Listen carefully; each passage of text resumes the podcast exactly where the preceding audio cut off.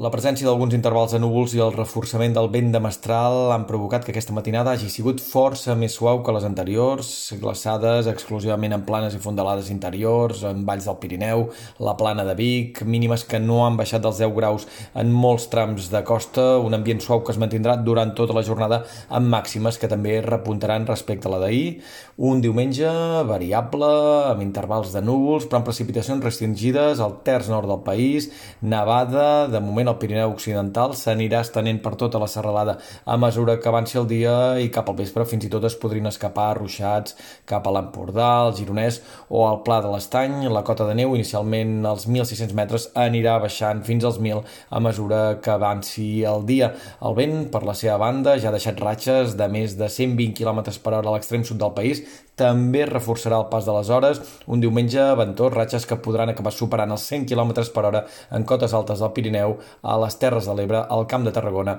i també en punts exposats del Pla de Lleida o de la Catalunya central.